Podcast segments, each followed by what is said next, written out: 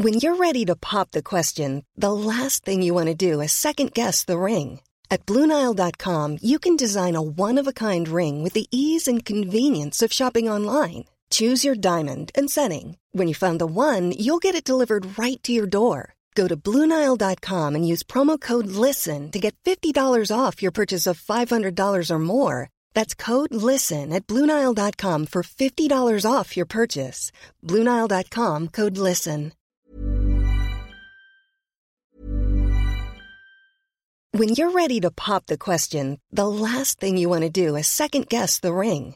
At Bluenile.com, you can design a one of a kind ring with the ease and convenience of shopping online. Choose your diamond and setting. When you find the one, you'll get it delivered right to your door. Go to Bluenile.com and use promo code LISTEN to get $50 off your purchase of $500 or more. That's code LISTEN at Bluenile.com for $50 off your purchase. Bluenile.com code LISTEN.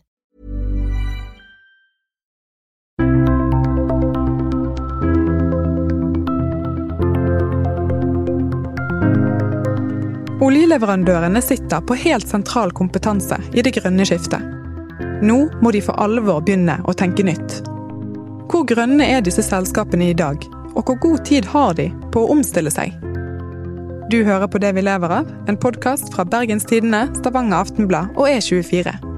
Mitt navn er Sigrid Haaland. Akkurat nå i 2020 så anslår vi at uh, ca. 10 av omsetningen vår uh, vil komme fra uh, offshore vind og, og fornybar. men vi forventer jo at dette her vil være økende tall fremover i tiden som, som, kommer.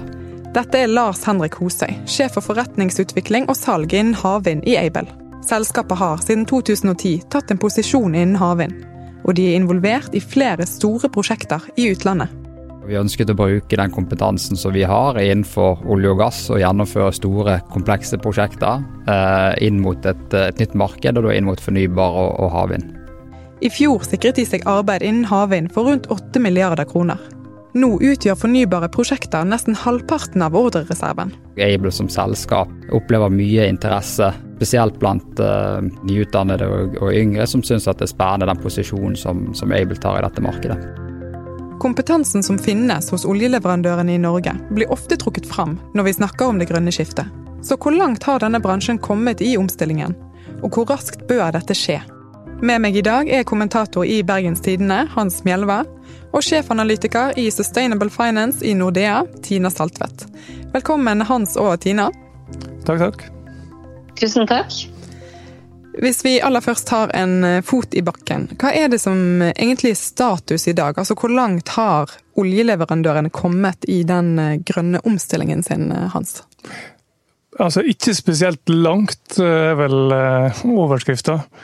Fremdeles så er jo det aller meste av det olje, altså leverandørindustrien driver med, det handler jo om olje og gass. Altså for, å et, for, å synliggjøre dimensjonene her, Eh, I år så vil det bli investert 185 eh, milliarder kroner i olje- og gassnæringa. Eh, til sammenligning så er også denne Hywind Tampen, som er jo disse store havvindgreiene, det er da fem milliarder over flere år. Mm. Og karbonfangstprosjektet er 25 milliarder, men over mange år. Altså Statsbudsjettet i år så er det 2,3 milliarder. Så forskjellen mellom det og 185, det er veldig stort. Ja, og Hvis vi skal også se på hva som skjer i oljeindustrien samla sett, så, så, har vi jo sett at Det internasjonale energibyrået de kom jo ut med en rapport tidligere i år som viste at oljeselskapene, og det er jo oljeselskapene, og det er jo driveren ofte for mange av oljeserviceselskapene og leverandørindustrien. Eh, de har jo vært veldig på at de nå skal begynne det store energiskiftet, eller energitransformasjonen. Eh, men når tallene kom ut, så viste det seg jo at det var jo samlet sett globalt under 1% av investeringene i 2019 som gikk til fornybar energi. Det betyr jo at 99% samlet sett gikk til videre olje- og gassinvesteringer. Så det går jo ikke veldig fort i, i dette skiftet, det kan vi jo ikke si. Og når vi ser på omstillingen hos oljeselskapene, så var det omtrent fem selskaper i en ny publikasjon som kom fra Transition Pathway Initiative, som viste at fem av oljeselskapene de har nå etter hvert, hvert fall begynt å rette strategien sin etter de nasjonale Paris eh, Paris-kravene som man har satt, eh, mens det var bare tre selskaper som var Shell, Enio og Total som har begynt å nærme seg togradersmålet. Så det er en lang vei å gå for hele, altså både olje- og gassprodusenter og ikke minst også oljeservice- og leverandørnæringen. Så vi må nok skru opp tempoet her hvis vi skal nå Parisavtalen. Ja, Hvis vi kan gå litt inn på nettopp dette tempoet. Eh, hvilke planer har de forskjellige aktørene blant eh, oljeleverandørene for grønn omstilling? Et av selskapene som vi virkelig har sett eh, har begynt å legge planer for det, er jo Aker. Eh, som hadde veldig spennende initiativ her. De eh, opprettet jo eller splittet Aker Solution og begynte med dette nye, den nye delen som heter Aker Horizon som da Eller det er jo egentlig en sammenslåing av Aker Carbon Capture og Aker Offshore Wind. Så de har nå altså, splittet opp og skilt ut av den delen som skal satse mer fornybart. Og det er, veldig, det er jo veldig spennende å se videre på den satsingen, for de sitter på mye teknologi og mye erfaring. Og har jo spesielt holdt på med Carbon Capture and Storage. Altså dette CCS-satsingen har jo de holdt på i mange år. Så om de nå får dette på plass, så blir jo det veldig spennende å følge. Jeg tenker at en, en interessant ting med den splitten var jo det at du gikk fra uh, et selskap, altså Aker Solutions, som, som hadde en børsverdi på 2,5 milliard, til da Aker Solutions pluss offshore wind og carbon catcher, som til sammen hadde en verdi på 11 milliard. Altså Det er veldig mye kapital som søker grønne investeringer. Eh, så på denne måten, ved å skille ut dette, her, så har jo også Røkke fått eh, tilgang på en helt ny kapitalbase, som gjør at det er, eh, at det, det er mulig å satse. da. Så jeg tenker at både for lommeboka til Røkke, men også for muligheten for å, å gjøre noe her, så var det en, en fornuftig manøver. Og I tillegg så har vel eh, nye Aker Solutions, som nå blir sammenslått med Kverna, sagt at de vil satse på eh, dekarbonisering. Altså, det vi ser at eh, oljesektoren satser på, og som er et spennende også en mulighet for, for leverandør- og oljeservicenæringen, det er jo Én ting er jo å satse inn i den nye fornybarsektoren, men vi skal jo også kutte kutte utslippene. Det er jo en del av, av eh, målsettingen, er å kutte utslippene på norsk sokkel i tillegg. Og det er klart at Da trengs det ny teknologi, det trengs nye løsninger for å få det til. Nå har jo Norge allerede kuttet mye av utslippene på, på sokkelen, men mer trengs hvis vi skal nå Paris-målet. Så, så, det blir også en spennende satsing på hvordan man kan gjøre det her, men selvfølgelig da også kunne eksportere den type teknologi ut etterpå. Nå er jo det sånn at eh, Blant eh, oljeleverandørene så er det veldig mange forskjellige typer selskap. Hva tenker dere om hvilke segmenter som har eh, best forutsetning for å klare dette grønne skiftet, og motsatt, hvem er det det vil bli tyngst for? Altså, Et segment som allerede er i ferd med å snu seg, er jo offshorerederier. Eh, de har jo, Det er jo nesten ikke et eneste offshore som ikke har kasta seg over eh, havvind, flytende, eller både flytende og, og fastmontert havvind, som, som i ulike støttefunksjoner. Den som har kommet lengst der, er jo Fred Olsen Wind Carriers. Vel, som, som, har en stor omsetning på å montere vindmøller på havsens bunn. Eh, og, og, det er klart, det, det, er jo et det er jo et kjempemarked. IEA mener jo at det her er et globalt marked på 3600 milliarder fram til 2040. Eh, så her er det jo store muligheter. Og så ser vi også noen spennende initiativer for de som driver med nedsenkbare rigger, eller flytende rigger, så ser vi også man, hvordan man kan bruke den teknologien eh, og hvordan den har testes ut for også å lage store oppdrettsanlegg langt til havs. Så det er også spennende muligheter, ikke bare innen ta eh, teknologien som ligger innen dagens, eh, dagens offshore- og leverandørmarked, men at man da bruker den teknologien innenfor andre markeder eller andre industrier.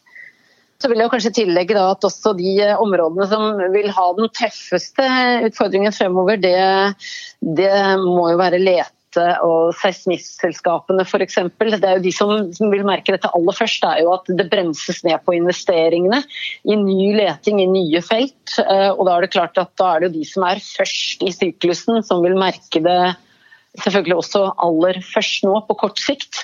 Eh, sånn at eh, de som altså Hvis man da ikke klarer å omstille seg og bruke teknologien til, som man bruker f.eks. til seismikk, til å lete etter mineraler på havbunnen, så vil det jo være de som merker det nå aller hardest. For vi vil jo ha eh, vi vil jo ha bruk for selskaper innen drift og vedlikehold i mange mange år fremover.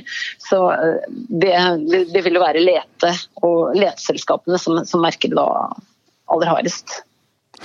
Jeg tenker at, at en annen gruppe selskap som, som vil eh, kunne slite her, er jo er små leverandører som har veldig spesialiserte produkter som er retta inn mot olje- og gassnæringa.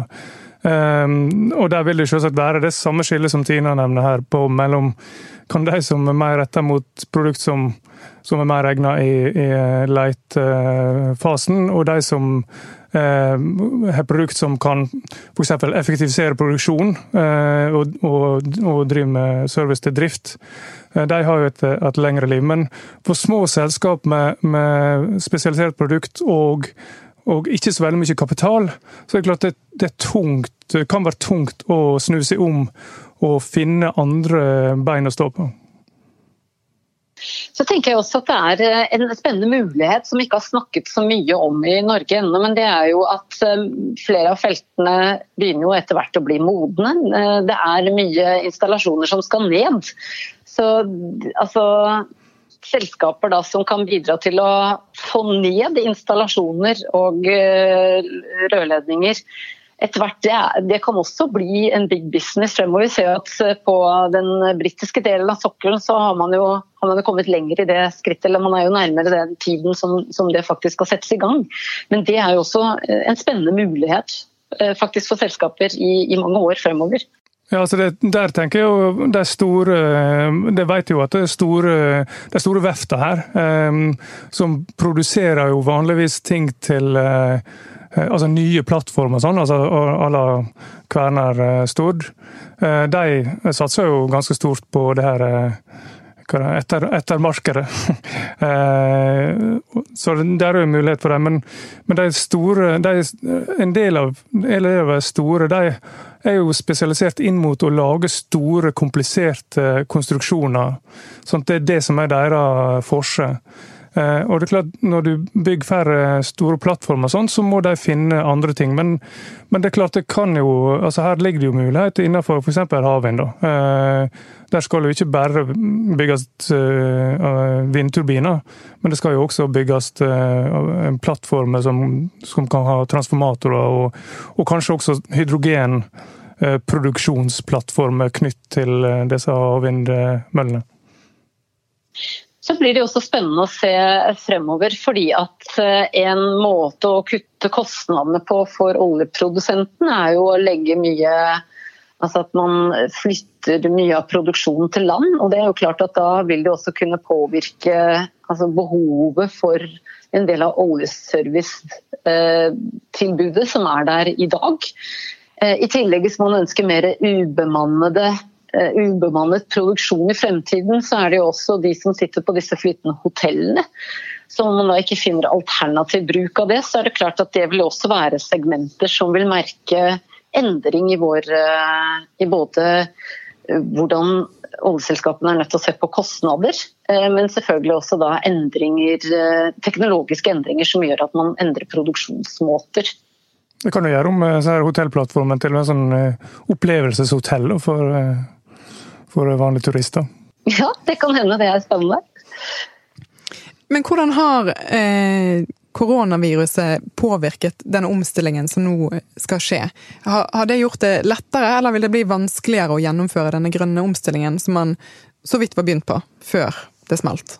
Koronakrisen har jo helt klart påvirket uh, oljeprisen, så den har jo også påvirket aktivitetsnivået uh, på norsk sokkel. Og så kan man jo tenke seg at det, det har jo gitt en liten pekepinn igjen, egentlig etter oljekrisen i 2014. Litt hvordan jeg tror i hvert fall at markedet vil bli fremover. Jeg tror dette bidrar til å eh, se på denne omstillingen. Den, eh, den altså omstillingen til en, en annen energiform fremover, den blir nok pushet fremover av dette. Og så er det jo interessant å se på det totale forbruket av energi i verden. Det har jo gått ned som følge av koronaviruset. Altså, økonomisk aktivitet er jo den viktigste driveren til forbruk av energi. Så stort sett, Vi har jo aldri sett et tilsvarende kollaps i oljeforbruket i verden som vi har sett nå under koronakrisen. Men det som er interessant også, så ser vi at energiforbruket samlet i verden også har gått ned. Men faktisk så har jo energiforbruket av fornybare ressurser gått opp i løpet av, av, denne perioden, i hvert fall ifølge statistikk fra Det internasjonale energibyrået. Og Det sier jo litt om hvor, altså hvordan kostnadsbildet ser ut. At kostnadene på å produsere fornybar energi har jo bare fortsatt å falle. Det har blitt mer konkurransedyktig med fossil energi. Og så er det jo selvfølgelig da vil jo det store spørsmålet være hvor fort kommer altså hvor fort vil transporten ta seg opp igjen? Har vi nå lagt om vanene våre så permanent at vi aldri kommer tilbake til det nivået vi var? Eller om det blir endringer innen transportsektoren, slik at eh, sant, det at vi bruker mer mer eh, teknologi til møter istedenfor at man er nødt til å reise rundt fysisk, eh, kan det ha et veldig langsiktig, en, altså en mer evig påvirkning på, på eh, etterspørselen etter olje f.eks. Og det kan godt hende at vi har begynt å nærme oss det når vi faktisk når da toppen av forbruket i verden. Eh, og så tror jeg også Det har en annen påvirkning, det er tilgangen på kapital. for Det er ingen, eh, det er ingen tvil om at eh, små selskaper med liten kapitalbuffer de har en større utfordring nå enn de store selskapene som har en litt større kapitalbuffer å lene seg på i tider hvor etterspørselen har falt så kraftig, og tider hvor, hvor hvor nettopp oljeprisen er så lav. Så det er litt ulike Både det der at du har det, den energitransformasjonen, men også da at man har en mindre kapitalbuffer for de mindre selskapene. Også, uh, dette er jeg helt enig i. Og så er det også det at altså det er bare det at du nå har fått uh, dratt ned forbruket, og at det vil ta tid til det kommer seg opp igjen, gjør jo at fornybar energi vil komme vil, vil eh, bli mer konkurransedyktig eh, tidligere i forhold til da, syklusen for, for, eh, for, det totale forbruket. Og så En annen ting som, som jeg har tenkt på koronaviruset har ført til, er jo at Donald Trump mister jobben som USAs president. Han, jeg tror han hadde blitt gjenvalgt, hadde ikke du hatt den koronaepidemien. Eh, og med Joe Biden i, eh, som ny president i USA, så vil du få Vil eh, USA komme på en helt annen måte i, i, Satse på en helt annen måte på fornybar. En ting er at Joe Biden også vil inngå, freds, inngå gjeninngå avtale med Iran, som gjør at iransk olje kan komme på markedet, som kan dra prisene enda mer ned. Men eh, det viktigere på sikt er vel at han vil satse enorme summer på, eh, på fornybarsatsing i USA. Eh, som, og, og, som En kan vente seg også at en, en vil, vil, dra ned forbruket i USA og få opp innovasjonstakta, og dermed få akselerere prisnedgangen på fornybar kraft. som som vil forsterke, unnskyld, vil forsterke konkurransekraften til fornybar og svekke tilsvarende for olje og gass. Og Det tenker jeg også, er helt enig med deg, for det er kjempe, en kjempespennende mulighet også eh, for norske selskaper. Eh, hvis vi da mm, altså Det ville jo bidra du kunne bidra til å, å, åpne opp et stort eksportmarked. Det har riktignok vært åpent allerede, men det er klart at når USA da skal inn og bruke masse penger på utvikling av av eh, ny fornybar energi, så er det veldig spennende. Og, og, Joe Biden har vel også sagt at han ønsker å gi en boost til amerikanske eh, de amerikanske bilprodusentene. Og det han mener med det, er at han også skal ikke satse videre på bensinbiler, men han ønsker å, å få, eh, altså, få, i gang bilprodusentene. Da må ta opp kampen med, i produksjonen av elektriske biler. Og ta opp kampen da med Kina, Japan og ikke minst Europa. Eh, og Det er jo selvfølgelig også spennende, for det vil jo gi en ekstra boost til eh, selvfølgelig en ting er bilindustrien, men da vil det også kunne påvirke et raskere skifte i transportindustrien i USA, som kanskje er en av verdens største forbrukere av, av olje samla sett som i, i land og sektor. Men hvis vi ser på hvordan eh, staten fungerer eh, her hjemme på dette området, da. Nå har jo det både kommet en, eh, en skattepakke til oljenæringen tidligere i år, og så har det også kommet midler til grønn omstilling. Hvordan påvirker disse to måtene å hva skal jeg si, påvirke næringen, den grønne omstillingen? Altså, Oljeskattepakken gjorde jo at altså, break-even-kosten på norsk sektor ble redusert med vet ikke, 9 dollar fatet eller noe sånt. En kom fram til til slutt. Um, og det betyr jo at uh, det blir uh, mer lønnsomt å bygge ut uh, i norsk sektor.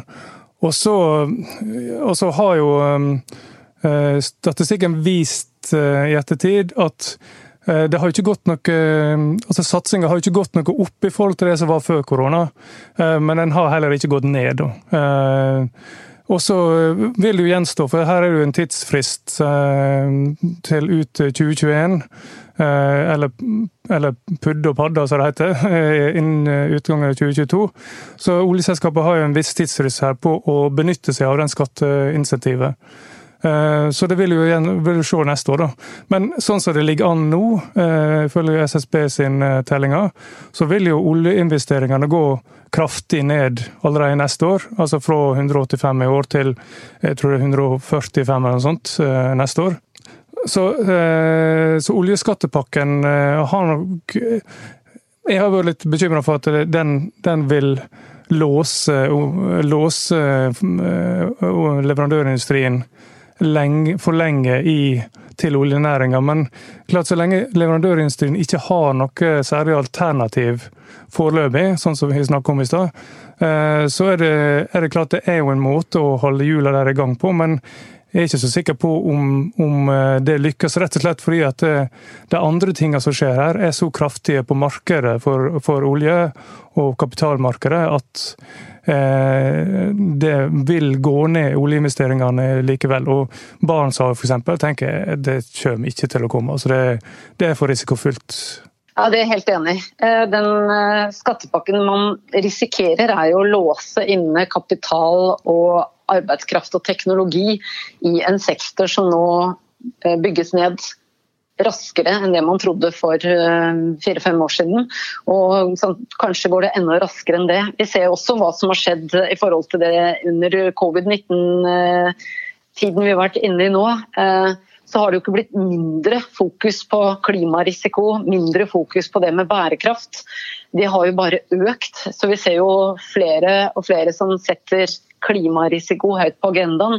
Vi ser jo stadig økende press, og det er jo noe vi ser veldig godt i finanssektoren, på at eh, oljeselskapene skal faktisk vise til hvilken omstilling oljenæringen eller fossile industrier skal vise til at de faktisk tar Parisavtalen seriøst.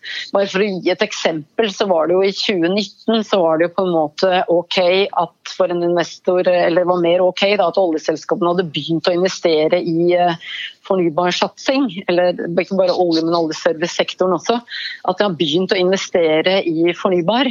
Men så ser vi at denne satsingen den var liten, den var spes, den har jo ikke utgjort så mye av den totale. Um, og nå i 2020 så holder ikke det lenger. Nå mm, krever flere og flere investorer at faktisk oljeselskaper og oljeserviceselskaper skal vise at eh, strategien faktisk er i tråd med Parisavtalen. Det er veldig få som har det ennå, men, men, at man faktisk viser at eh, og, det holder ikke lenger å vise til at man skal være karbonnøytral i 2050. Eh, man skal også vise mer kortsiktige planer. Hva skjer i 2025, hva skjer i 2030? Og det krever en raskere omlegging. Det er større press. Og det vil jo da gi seg utslag i kapitalkravet. ikke sant? Det blir dyrere å få tilgang på kapital hvis man ikke kan vise til at man faktisk tenker klima og bærekraft. Og i noen tilfeller så vil man kanskje ikke få tilgang på ny kapital for nye prosjekter i sin helhet.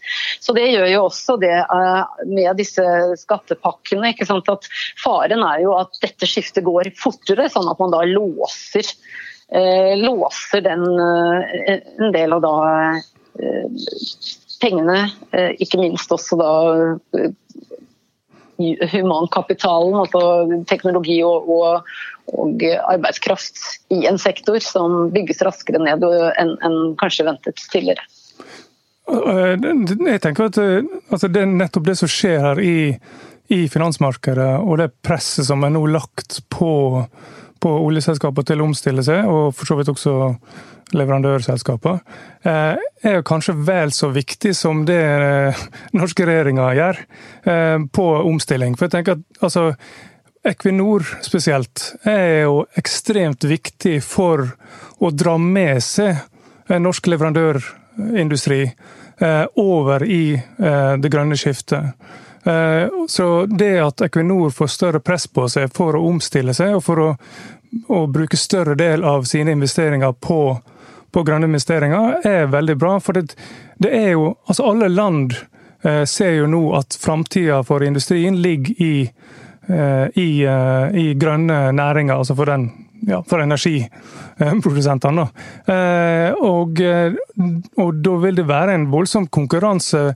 For så skal jo eh, Equinor har jo et stort prosjekt på gang i Sør-Korea for flytende havvind.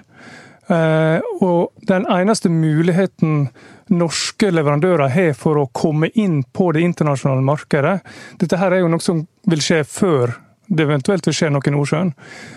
Der har jo norske, norske, leverandører en mye større mulighet for å komme inn, eh, fordi at de kjenner folka i Equinor. Og Equinor kjenner, kjenner norske leverandører og vet at de kan levere. Eh, Kverner Stord leverer betongunderstell og, og, og monterer vindmøllene på, på Hywind Tampen. Som er akkurat det her betongelementet her, er det kanskje Norge som er den absolutt eh, ypperste teknologien for å få til. Eh, så klart, hvis du vinner eh, den teknologiske kappløpet her, og du kan bli dratt med av Equinor, så vil veldig mye være gjort. Både for for, for, for, for Kværner, men også for mindre underleverandører som kan hekte seg på. Og I den settingen så er det også viktig altså Norge er jo stort sett det meste av oljen og gassen vi produserer. Eh, det fraktes jo, eller eksporteres jo til EU. Og Da er det også veldig viktig å se hva gjør EU. Og De har jo tatt på seg nå rollen etter at eh, USA riktignok har gått ut av Parisavtalen. Vi håper jo at de raskt vil være tilbake der, og det vil de jo nå sannsynligvis. Eh, men de eksporterer jo veldig mye av oljen og gassen vår til nettopp EU-land. Og de har jo sagt at de ønsker å redusere forbruket ennå raskere av fossil energi. Og så ønsker de å satse på bl.a. havvind. Og da tenker jeg Det er jo også både en spennende mulighet, men noe vi skal være observant på, i og med at vi da er en stor leverandør av olje og gass til nettopp EU. Så um, her har vi både en mulighet, men også en økende utfordring med å tilpasse oss det europeiske markedet. Og, og, Der kommer jo et av de største satsingene til denne regjeringa. I kroner og øre er det den desidert største satsinga inn. Eh, altså den eh, karbonfangst-lagringsanlegget eh, som en skal Altså karbonfangst eh, på, på Norcem Brevik eh, og eventuelt Fortum i Oslo. Eh, og lagring på Kolsnes og ute i Nordsjøen. Og det er spesielt det lagringsanlegget, som jo er Det ser jo da oljeselskapene for seg kan eh, bli en måte å redde norsk gass på. Hvis eh, EU virkelig gjennomfører den politikken som de sier at de skal gjøre nå. Eh, fordi at da ser de for seg at de kan eh, ta, eh, ta, ut CO2-en fra, fra, gassen og produsere såkalt blå hydrogen. Eh, og så har Det vært liksom murring i EU om at de helst vil ha grønn hydrogen, men de har jo enorme ambisjoner på, på hydrogen i EU, som vil kreve enorm utbygging av fornybar kraft hvis det skal, skal eh, bli realistisk. Eh, og så raskt som de vil gjøre, det tror jeg rett og slett ikke er mulig. For at de skal bruke de skal jo bruke grønn kraft til mye annet også. Eh, så der ligger, tenker jeg ligger for så vidt en, en forretningsmulighet for å, å, redde norsk gass for framtida. For vi har, jo, vi har, jo, massevis av gass som vil kunne produseres langt utover 100-året. Og sjansen for at den blir verdiløs, som gass er ganske stor. Og der er, der er, så det, dette her langskipprosjektet til regjeringa, det er jo eh, jeg tenker en, en, av, I tillegg til at det er viktig å få et europeisk lager for CO2 fra industri som, som du ikke kan eh, bli kvitt CO2 på andre måter, så er det eh, potensial i alle fall for å kunne redde norsk gass. Så tenker jeg også at det er spennende muligheter i grønn hydrogen. For det er jo, vet i hvert fall oppe på utsiden av Danmark nå, så ser man jo på å bruke altså bygge opp kunstige øyer og bruke da vindkraft til nettopp det å, å produsere grønn hydrogen. Og det burde jo være muligheter for også for oljeservicesektoren i Norge å se på, på de mulighetene som går mye på elektrolyse av vann, men også at man kan se på elektrolyse av sjøvann, om, om det er en mulighet. Så jeg tenker også at det ligger noe i det grønne hydrogenet som kan være interessant for, for uh, norsk uh, leverandørindustri og norsk oljeservice. Men der, der, er jeg jo veldig spent på hva som skjer. skje. at du, du, Mye av energien forsvinner jo fra elektrisiteten når du gjør om til hydrogen. Og iallfall hvis du gjør om til, tilbake igjen til, til elektrisitet. Um, så du, det krever jo Altså grønn hydrogen krever at strøm blir veldig billig. Uh, og at det er et overskudd på strøm. Uh, fordi at det er mye mer lønnsomt å selge det som strøm enn som å, konvertere til hydrogen. Uh, sånn som det er i dag, iallfall. Jeg er nok enig i at eh, blå hydrogen ser kanskje mest lønnsomt ut på mellomlang sikt, men jeg tror nok også at satsingen på grønn hydrogen vil bli stor. Det er i hvert fall mye oppmerksomhet rundt det utenfor Norges grenser, så jeg, tenker at det vil nok bli et ganske stort push for å få det i gang òg. Jeg tenker En, en konkurrent på, på, hydrogen vil jo kanskje være f.eks. Altså solenergi er jo det som er, er billigst i dag.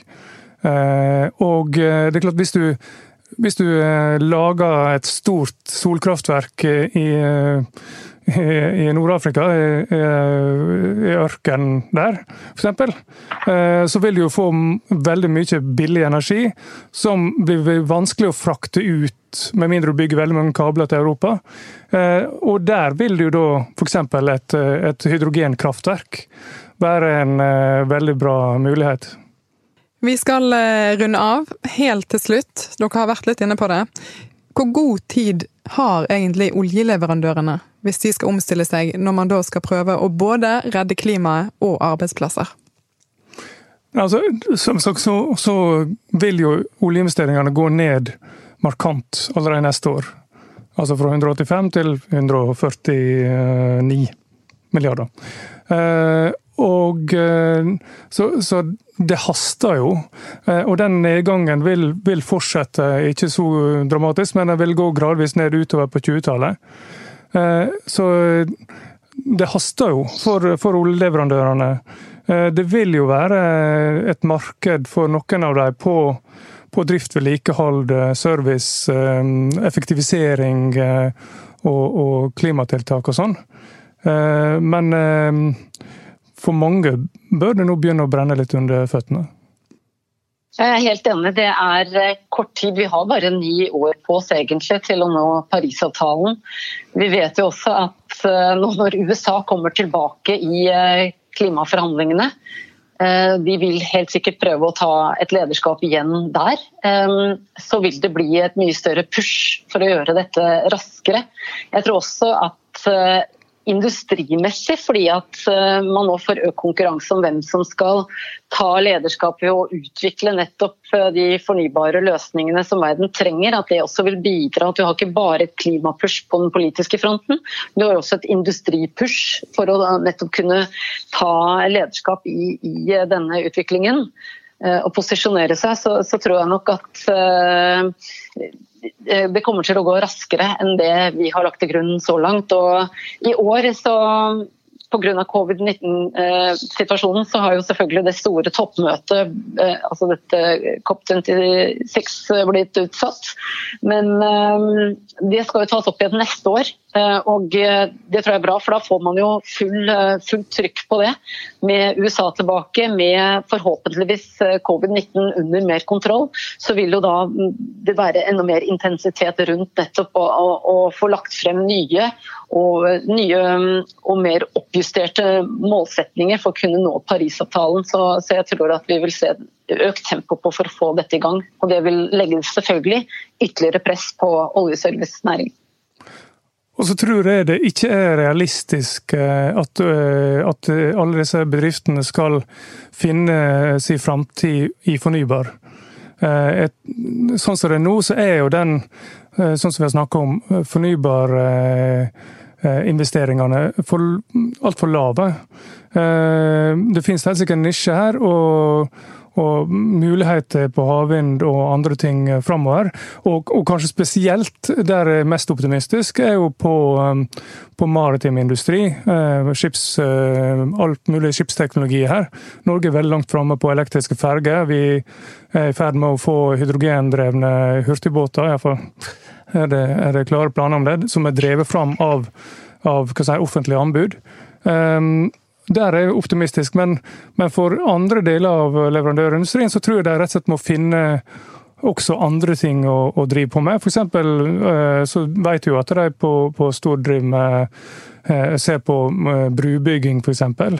Um, der er jo en visst håp når det gjelder, gjelder oppdrettsnæringa, og, jobbe for dem. Så jeg tror Altså, det blir eh, tøft for leverandørindustrien framover, men det finnes muligheter innenfor andre ting også enn fornybar. Jeg tror ikke fornybar i seg sjøl vil kunne redde hele den næringa. Tusen takk for at dere var med, Hans og Tina. Takk. Bare hyggelig. Snart er vi tilbake med en ny episode av Det vi lever av. I mellomtiden kan du gjerne sende oss innspill til hva vi skal snakke om. Da sender du en e-post til sigrid.haaland.bt.no. Det er Haaland med to a-er. Takk for at du hørte på denne episoden.